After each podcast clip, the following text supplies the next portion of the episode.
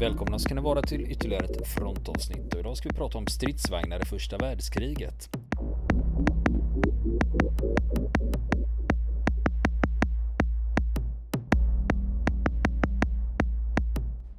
Har du Niklas, förra veckan så började du prata om utvecklingen av den första stridsvagnen Mark 1 som britterna hade tagit fram. Ja, just det. Och hur långt hade vi, hur långt hade vi hunnit?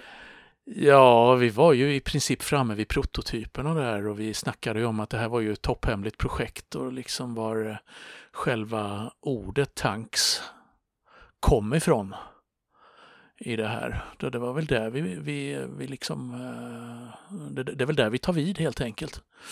För, och då är vi framme vid slutet av 1915, början 1916. Och den här första prototypen då som eh, faktiskt rullade och liksom var någonting i, enligt intentionerna av eh, beställarna då, den kallas för Little Willy. Och eh, eh, den hade byggts av, eh, av eh, Swinton och hans nätverk då eh, och stod färdig att rulla i, i slutet av 1915 då. Och konstruktörerna, det var en ingenjör som hette Walter Wilson. Och han hade ju aldrig byggt någonting sånt här tidigare. Han hade byggt jordbruksmaskiner före kriget. Och sen hade han byggt eh, en artilleritraktor som sen blev eh, liksom en plattform då för att bygga stridsvagnar på. Och han hade haft hjälp då av en officer från eh, ingenjörstrupperna och som hade varit i flottan och eh, även marinflyget då som hette Walter Gordon. Walter Gordon Wilson. Han var irländare och han hade byggt eh, bilar före kriget och även försökt göra flygmotorer men med eh, ja, magert resultat. Det ville, ville liksom inte ta sig riktigt. Eh, och den här Little Willy den finns faktiskt fortfarande kvar. Den står på pansarmuseet i Bovington var annars höll jag på att säga. Ja, var annars, nej precis. Mecka för stridsvagnsintresserade. Och den ser, om man ska beskriva den så ser den ut som ja, en låda med larvband under. Helt enkelt. Eh, så att den, eh, den påminner inte särskilt mycket om de, eh, det som sen blev Mark 1 då, eh, den här rombiska stridsvagnen då. Och eh, liksom lite vid sidan av kan man säga att den var ju på väg att skrotas under andra världskriget. För den stod, stod och skräpade på ett, ett förråd. Och, men blev räddad då i, av en ren slump. Och eh, sen hamnade den då på museet där så småningom. Och eh, efter, efter de lyckade försöken med Little Willy så gjorde man en ännu större vagn då som var bestyckad också då och det är ju den som blev prototypen till Mark 1 då som faktiskt i stort sett ser ut som en sån och det var ju den som kallas för Mother, då mamma. Eh, och det här var ju ett, eh, gjordes flera eh, förevisningar och försök med den här då, bland annat inför höjdare från krigsministeriet och även för ministrar från eh, krigskabinettet då. Och eh, det blev en sån, eh, det var så många som blev imponerade av den här. Dock inte krigsministern Lord Kitchener. Han tyckte att det där verkar ju inte vara någonting att ha. Han var en väldigt konservativ man. Men det var så många andra i hans omgivning där som tyckte att ja, men det där var ju intressant och spännande så att det, det blev en vagn. Det blev en beställning då på 100 fordon av det som skulle bli Mark 1 då i början av 1916. Och eh, det blev, de producerades ju i stor hast då under eh, några månader där på, eh, på våren 1916 och eh, Mark 1, typ 1 då, som den här klassiska vagnen som man, man kan se. Eh, som har en väldigt speciell form då med larvband som går runt hela skrovet på dem. Eh, och den var ju då ungefär 30 ton kan vi säga. Lite mindre än 30 ton eh, tom. Eh, något mer än 30 ton eh, tankad och laddad.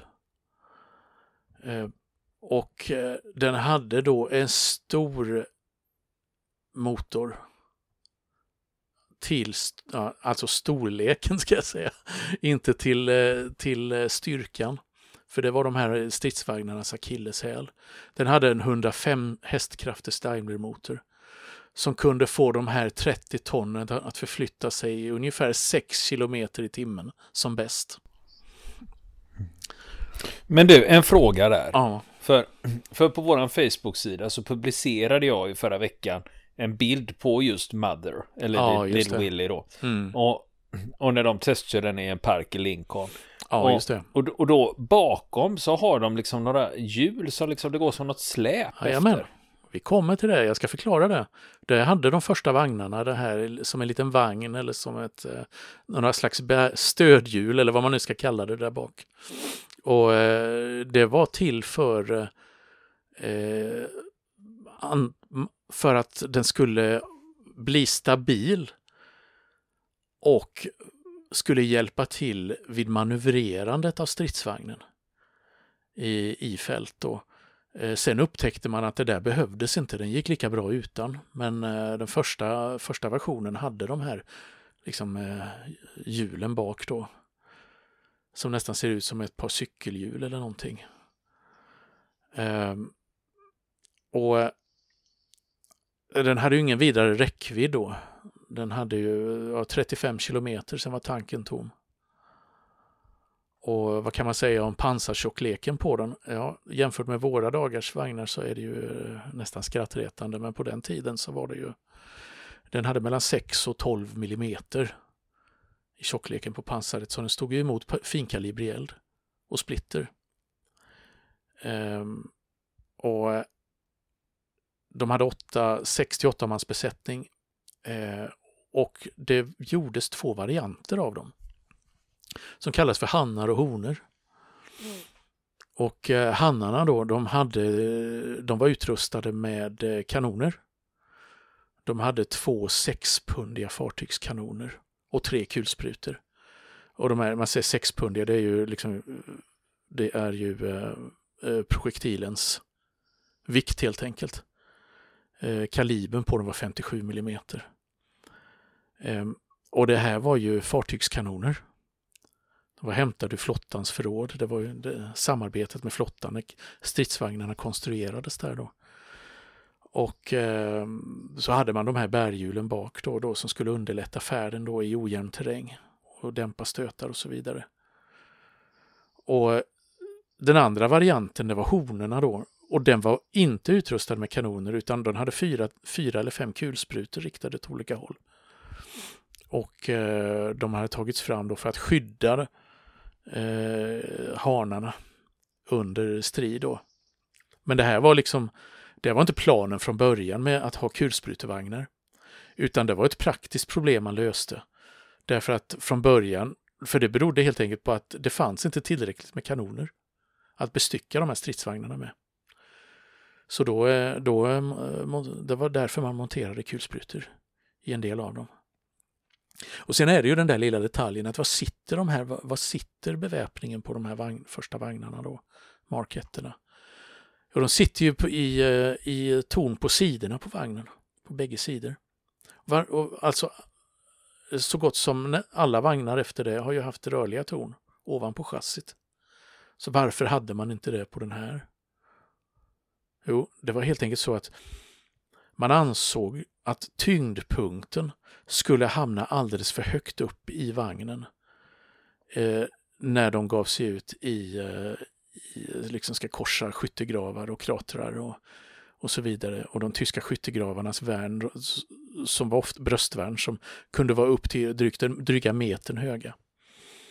Så för att öka stabiliteten där så placerade man eh, bestyckningen då mycket lägre, mycket längre ner i skrovet då. Och eh, härigenom så visade också då tester att den faktiskt klarade arméns, brittiska arméns specifikationer på att den här vagnen skulle kunna korsa en skyttegrav som var nästan 2,5 meter bred utan att köra fast. Och, eh, så att det var mycket som hände där då eh, på våren Eh, 1916 då flera fabriker som arbetar för högtryck med att tillverka de här vagnarna. Då. Första beställningen som jag sa det var 100 vagnar men i praktiken så blev det 150 under de första vårarna, både hannar och honor. Och eh, kriget det fortsatte ju på västfronten som det hade gjort under hela 1915 och eh, hösten 1914 under det vill säga med stora förluster, låst läge, inga genombrott, inga stora offensiver åt någondera hållet. Eh, för det liksom, de körde alltid fast i, eh, i ingenmansland.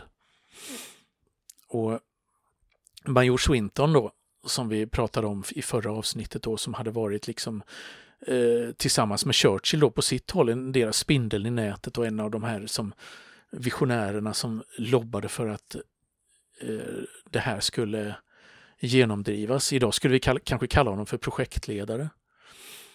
Eh, han blev befordrad på kuppen där då våren 1916. Han blev överstelöjtnant och fick ansvaret då för att utbilda de första stridsvagnsförbanden och skapa det första taktiska reglementet för dem då.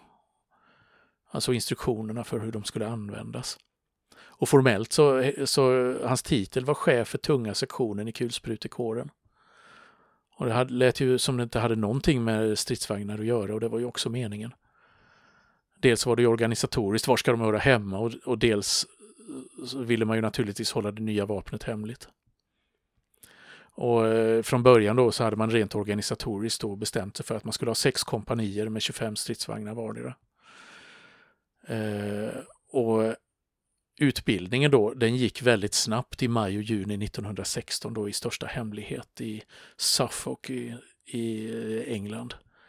Och man satte igång så fort de första Mark 1-vagnarna hade lämnat fabriken då. Um, och det gick ju snabbt och orsaken till det var att man ville använda dem så fort som möjligt vid, vid fronten. Um, och det blev ju då den stora offensiven vid Somme som började då sommaren 1916 som blev elddopet. Men de var ju inte med från första dagen. Och det var, de kom ju in långt senare då. Alltså, då hade ju den här SOM-offensiven, de olika operationerna som ingick i, i den då pågått i flera månader. Och eh, så att första insatsen, det var bestämt till den 15 september 1916. För då skulle man genom starta en ny anfallsoperation eh, av den brittiska expeditionskåren då, som, eh, som eh, sen har blivit känd som slaget vid Flers Courcelette som pågick en vecka i september eh, 2000, eller 1916. Eh, och de var med då från första dagen, 15 september 1916 så, så sattes de in. Eh, och det var 49 stycken då som hade skeppats över kanalen till Frankrike, till västfronten, för att delta.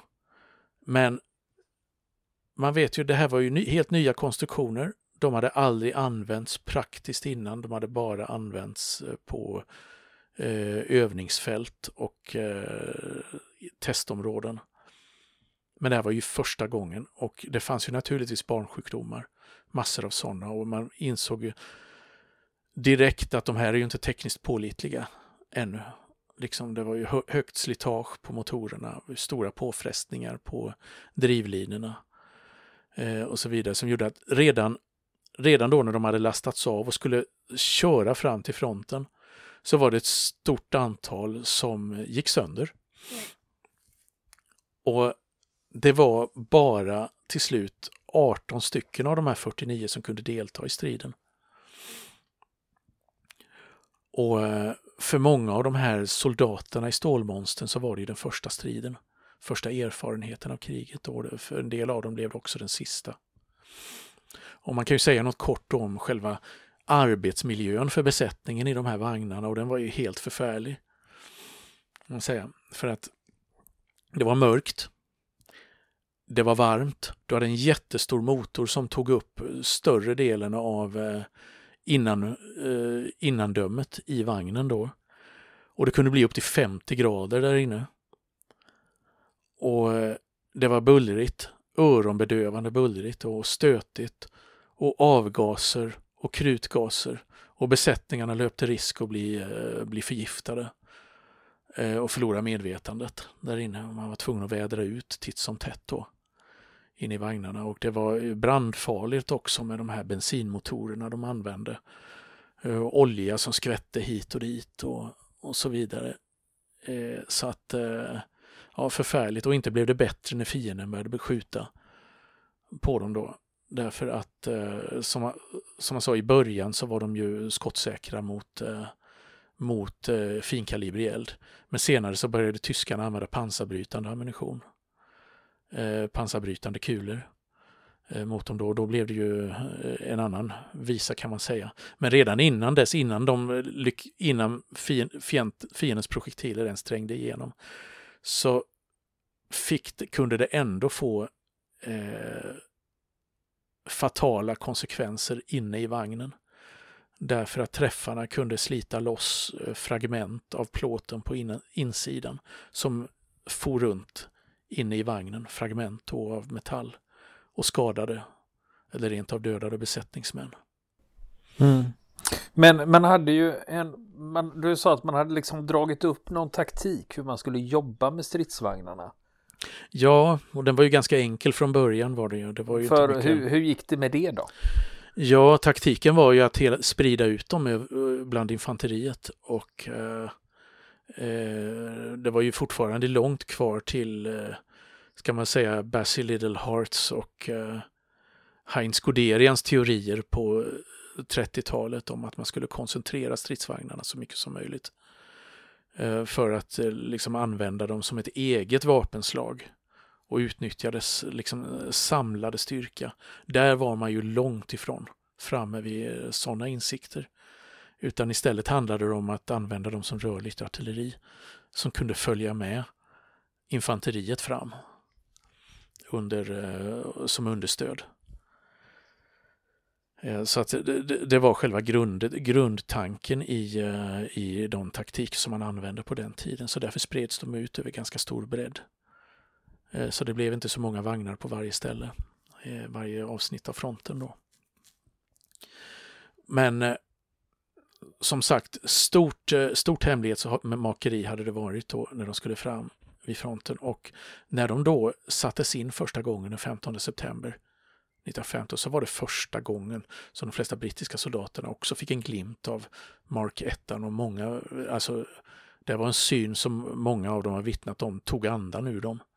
Liksom de här stora stålmonstren som rullade fram då och dånade som tusan och spred avgaser och rök och död och förintelse runt sig. Och en av de här eh, soldaterna, han är Sidney Taylor, som har berättat om det här på ålderns höst. Och det här kommer, det har jag citerat ur en, en podd som eh, Imperial War Museum har då, som heter Voices of the First World War.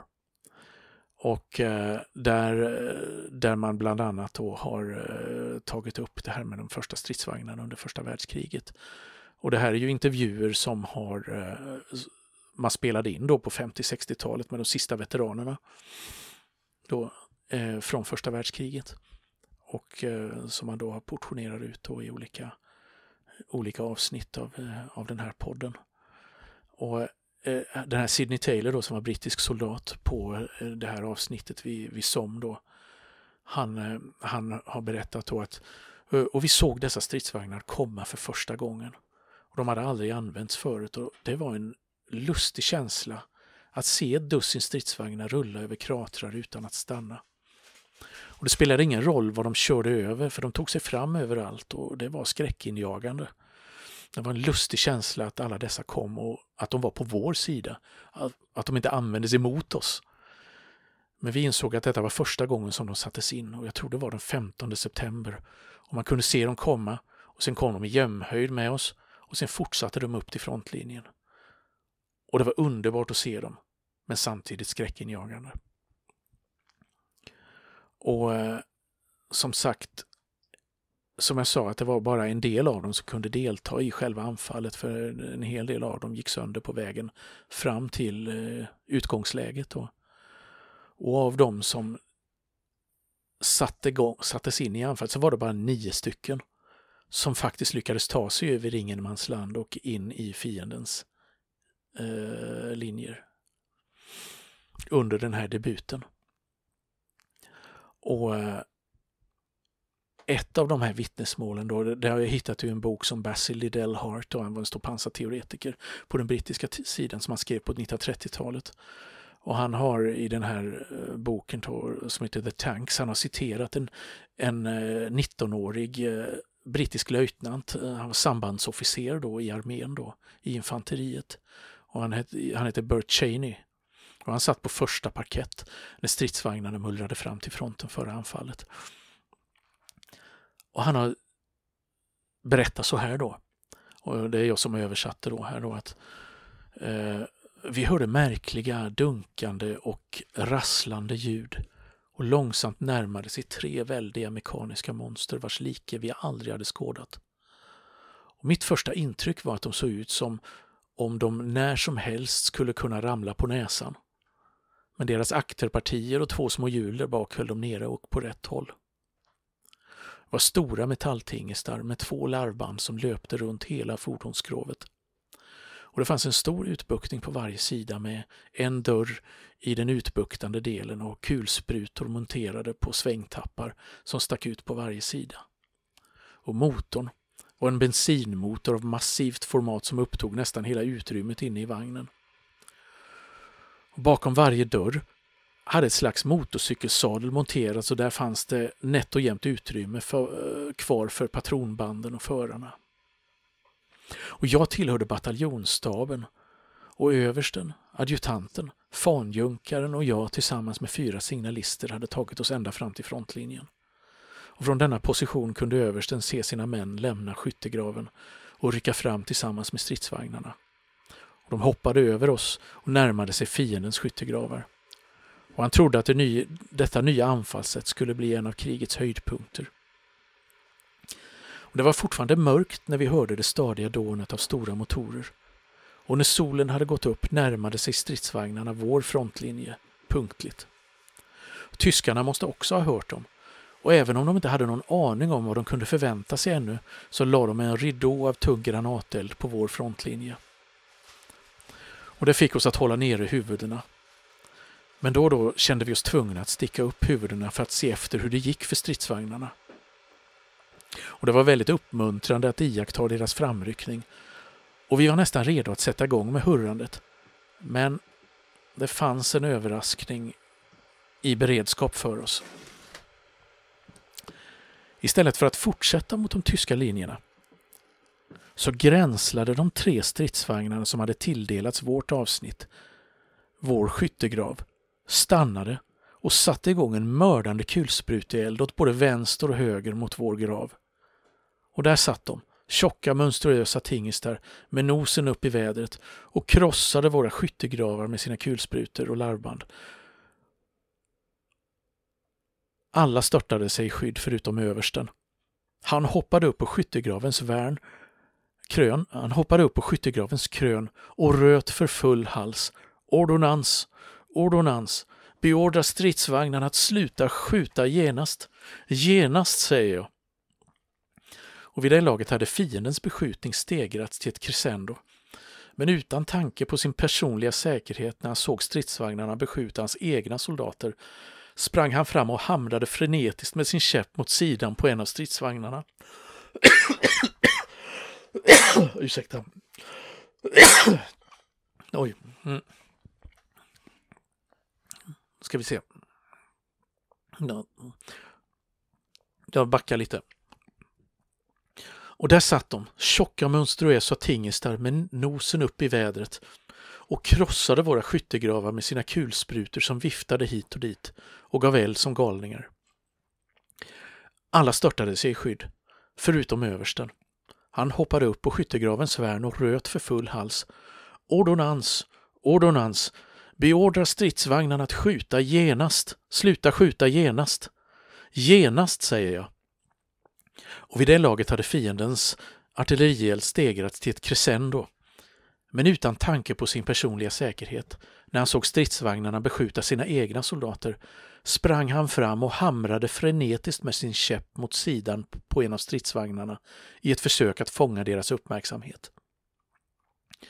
Även om ingen i stridsvagnen kunde höra honom med tanke på motorbullret och eldgivningen i ett så litet utrymme, så insåg de till sist att de befann sig vid fel skyttegrav och rullade vidare och skrämde tyskarna från vettet och fick dem att springa som rädda harar.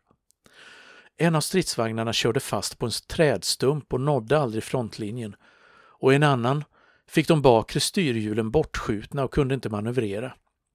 Besättningen ansåg att det var lämpligare att göra halt, berättade de efteråt, än att fortsätta eftersom de var rädda för att tappa kontrollen och rulla vidare ända till Berlin.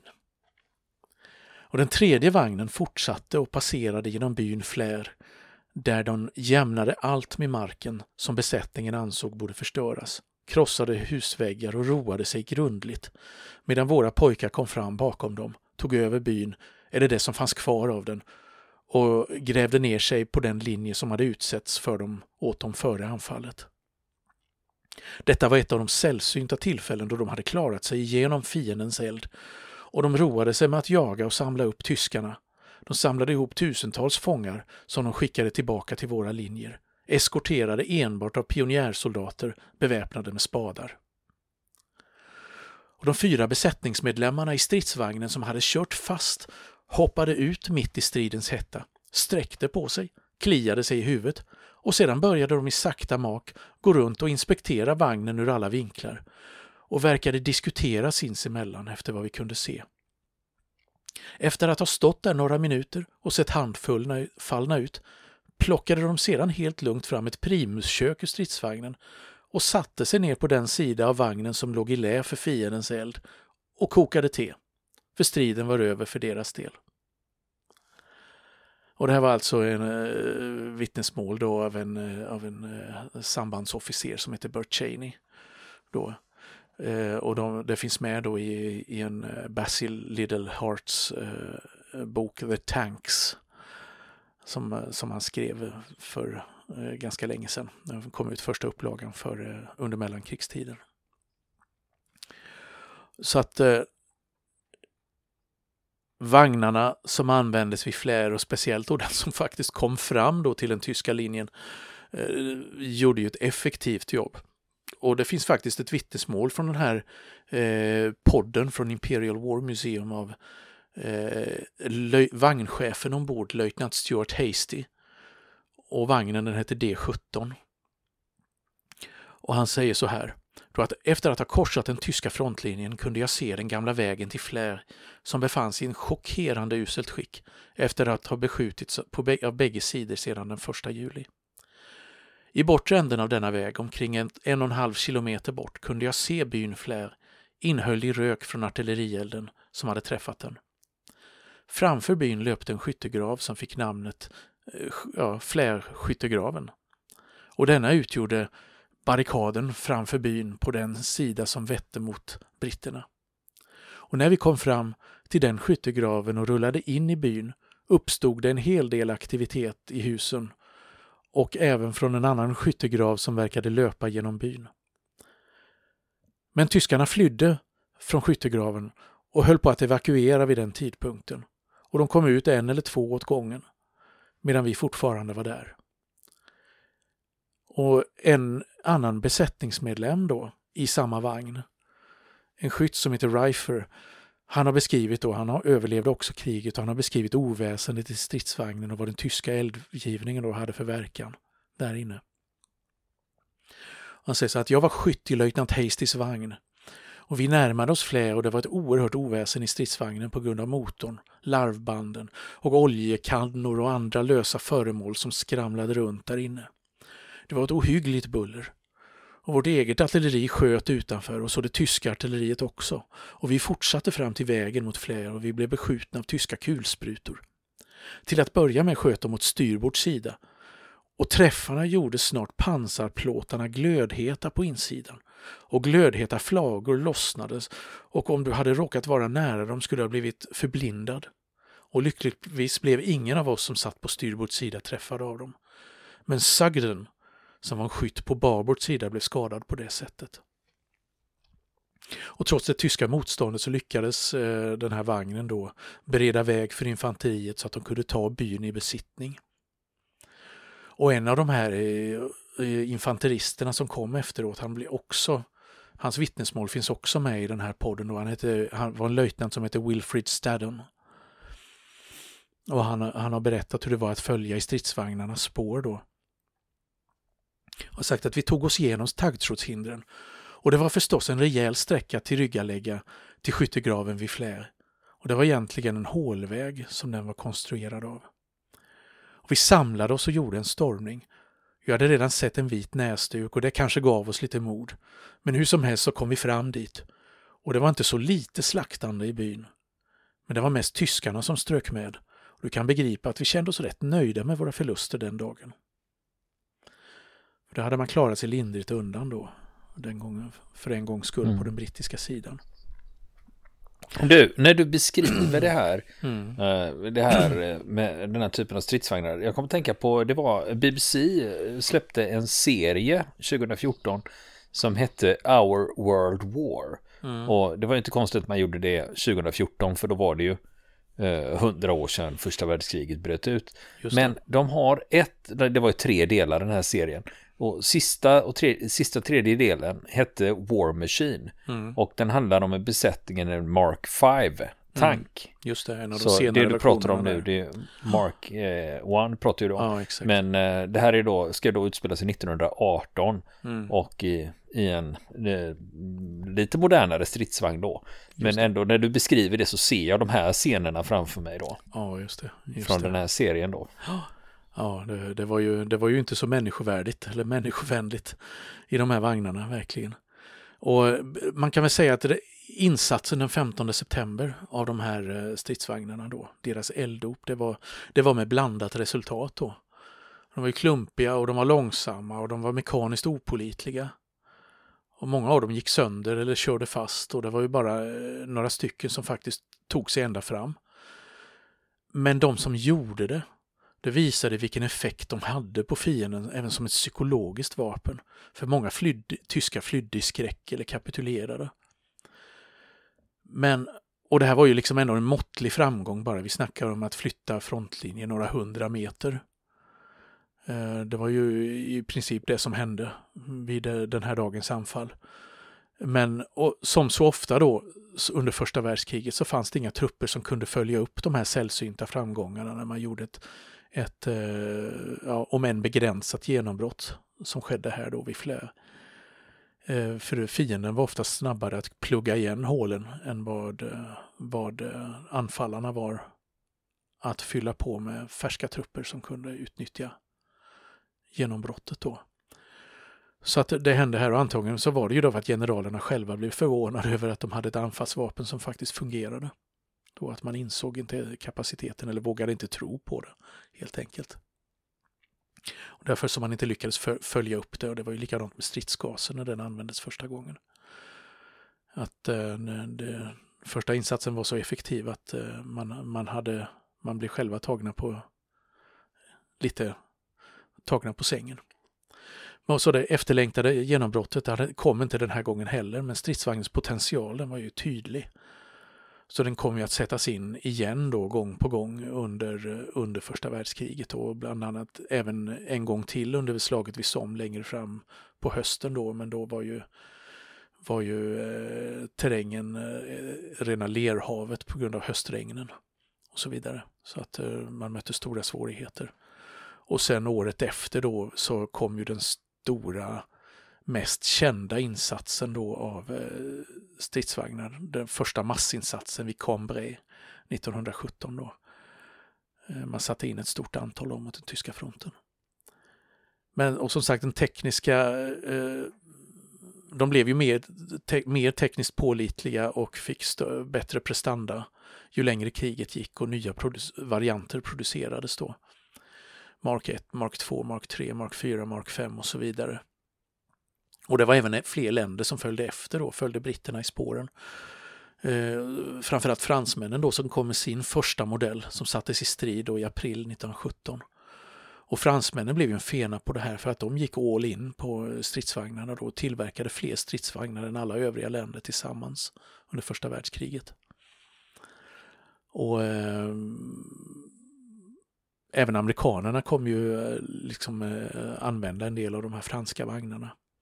Eh, Patton bland annat, han blev ju sårad i en fransk Renault-vagn. När, eh, när eh, den amerikanska expeditionsstyrkan sattes in. Tyskarna då, hur var det med dem? Jo, de hade också stridsvagnar till slut. Eh, men bara 20 stycken totalt. Och eh, oerhört klunkiga. Total, alltså, totalt ja. under hela första världskriget? Ja, jajamän. 20 det, ja, stycken? Jajamän. Det var ju lite skillnad mot vad man skulle ha sen under andra världskriget. Eh, men de lärde sig verkligen läxan så att säga. Eh, och, eh, och, och som sagt, någon som... Det tog ju tid, alltså innan man hade hittat, som med alla vapen, nya vapen som sätts in, så tar det tid innan det hittar rätta platsen i organisationen, innan man hittar rätt sätt att sätta in dem på, rätt taktik och rätt sammanhang och så vidare. Och likadant var det ju med stridsvagnen då, där man egentligen inte var framme vid eh, en riktigt effektiv eh, taktik förrän i nästa världskrig och inför nästa världskrig. Eh, så att eh, det, det, tar tid att introducera tekniska nyheter i, eh, även i den militära världen. Då. Ehm, och jag nämnde ju det innan att det fanns ju, det, eh, den här Little Willy finns ju kvar. Eh, den överlevde ju, den här eh, första prototypen då. Och det finns, av de här Mark 1-vagnarna, vet du hur många vagnar som finns kvar? Ja, men alltid när du ställer frågan ja. så är det väl eh, antingen ingen eller i bästa fall en halv på Bovington så de ska typ. renovera någon gång när de får pengar. Ja, typ. Man skulle kunna tro det, men det, det är inte långt från sanningen. Det finns faktiskt en intakt vagn kvar. En, eh, en Hanne av de här då, alltså en kanonbestyckad. Eh, och den finns ju naturligtvis på Bovington då. Eh, och eh, man är osäker på hur den användes under första världskriget. Man vet ingenting om dess, så att säga, eh, historia. Eh, men man tror att den har varit en utbildningsvagn, att den aldrig var ute vid fronten. Det finns vissa teorier om det, men, eh, men eh, eh, som sagt, eh, det har man aldrig liksom lyckats, lyckats kartlägga med eh, säkerhet hur, hur det var med detta då. Men vill man se en Mark 1 så kan man, så kan man se den i, i Bovington och där finns också eh, en del, eh, en del eh, andra vagnar eh, från eh, eh lite senare modeller av, eh, av samma vagn då. Mark 2 och Mark 3 och så vidare finns ju där. Och vet du vad de mest udda ställena är som det finns några av de här senare versionerna på? var de står. Nej. På museer och monument. Jag, jag tänker väl, eh, det var det jag tänkte säga, det står väl på lite museum kanske nere i Europa också? Ja, om jag säger Luhansk. I Ukraina. Luhansk? Ja. Vad är det för något? Ja, vi talar om östra Ukraina. Vi talar om trakterna där det nu går ganska hett till mellan Ryssland och, och Ukraina. Så där långt finns, bort alltså? Där finns en, eh, en Mark 5 eh, på ett, eh, använt som ett monument utomhus då, ett krigsmonument. Och sen finns det ytterligare två där på ett museum. och sen finns det också flera till då i, i Ukraina och Ryssland. I, på Kubinka finns en Mark 5 till exempel och så finns det en i Charkiv i Ukraina och så några andra. Och det, det här beror ju på att de exporterades. Efter så första de användes på östfronten? Slut. De användes på östfronten. De användes av eh, brittiska trupper och under det ryska inbördeskriget.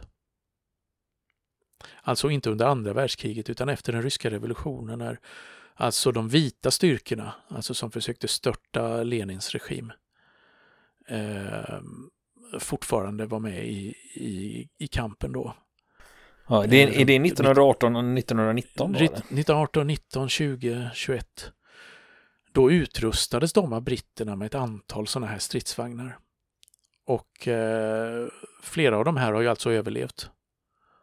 Och eh, det är förklaringen då till att de har hamnat på museer eller som eh, hamnat på eh, stensocklar som monument där borta i, i de trakterna. Så att av de senare varianterna så finns det faktiskt en hel del bevarade, men just Mark 1 den är, den är sällsynt. Är den. Är den. Där finns det bara en. eh, intakt. Så att eh, när eh, de här restriktionerna släpper så eh, eh, reserestriktionerna och så vidare så det blir lite enklare att resa igen så, eh, så ja, för de som inte har varit vid Bovington så kan jag varmt rekommendera det för just den tidiga historien, bland annat. Den allra tidigaste historien, stridsvagnarna. Så ja, då finns det ingen annanstans att åka än Bovington. Nej, men det låter ju bra alltså. Mm. Så är det. Och just det Niklas, vi fick faktiskt mail i veckan här. Ja, ja jag hörde lyssnare. detta. Ja. ja, det var ju så att eh, vi hade ju, vi diskuterade lite litteratur ja. i förra avsnittet. ja. Eh, och då blev det ju lite fel. Ja, det blev ju det. Det blev ju det. Ja. det, det det var ju, jag blev påpekat att jag inte kunde min litteraturhistoria. Och det, ja, det, det var ju ja, det... Uh, tungan slant. ja, ja, men det var mm. det att det handlar om en världsomsegling under havet. Ja, just det. Du refererar till den och den ja. är ju skriven av Jules Verne och ingen annan. Nej, exakt. Jag pratade ju om en bok av H.G. Wells och sen, eh, som eh, hade beskrivit det här med stridsvagnar första gången då i i, alldeles i början av 1900-talet i en roman och sen mm. hävdade, sen påstod jag att det var, han, det var han som också hade skrivit en värld som segling under havet, vilket förstås är helt uppåt väggarna. Är det ju. Men det är bra att vi har påpassliga lyssnare, måste jag säga, som, som äh, rättar oss vi... när vi slarvar. Ja, ja, men som är lite kritiska och ja. inte sväljer vad som helst utan Nej, faktakoll och så. Det är bra. Ja. Det är bra. Det är ju, det är ju roligt att folk lyssnar. Ja. Bara, bara det. Bara det. en lyssnare. Ja, precis, precis. Nej, men så att eh, det var, det var ju klantigt naturligtvis. Var det. Så att eh, får vi skärpa oss nästa gång vi tar upp. Vill ni komma i kontakt med oss så kan ni göra det via vår Facebook-sida som heter Fronten. Det är inga problem för er att leta er fram där. Eller också så mejlar ni på vår mejladress och det är frontenpodcast@gmail.com.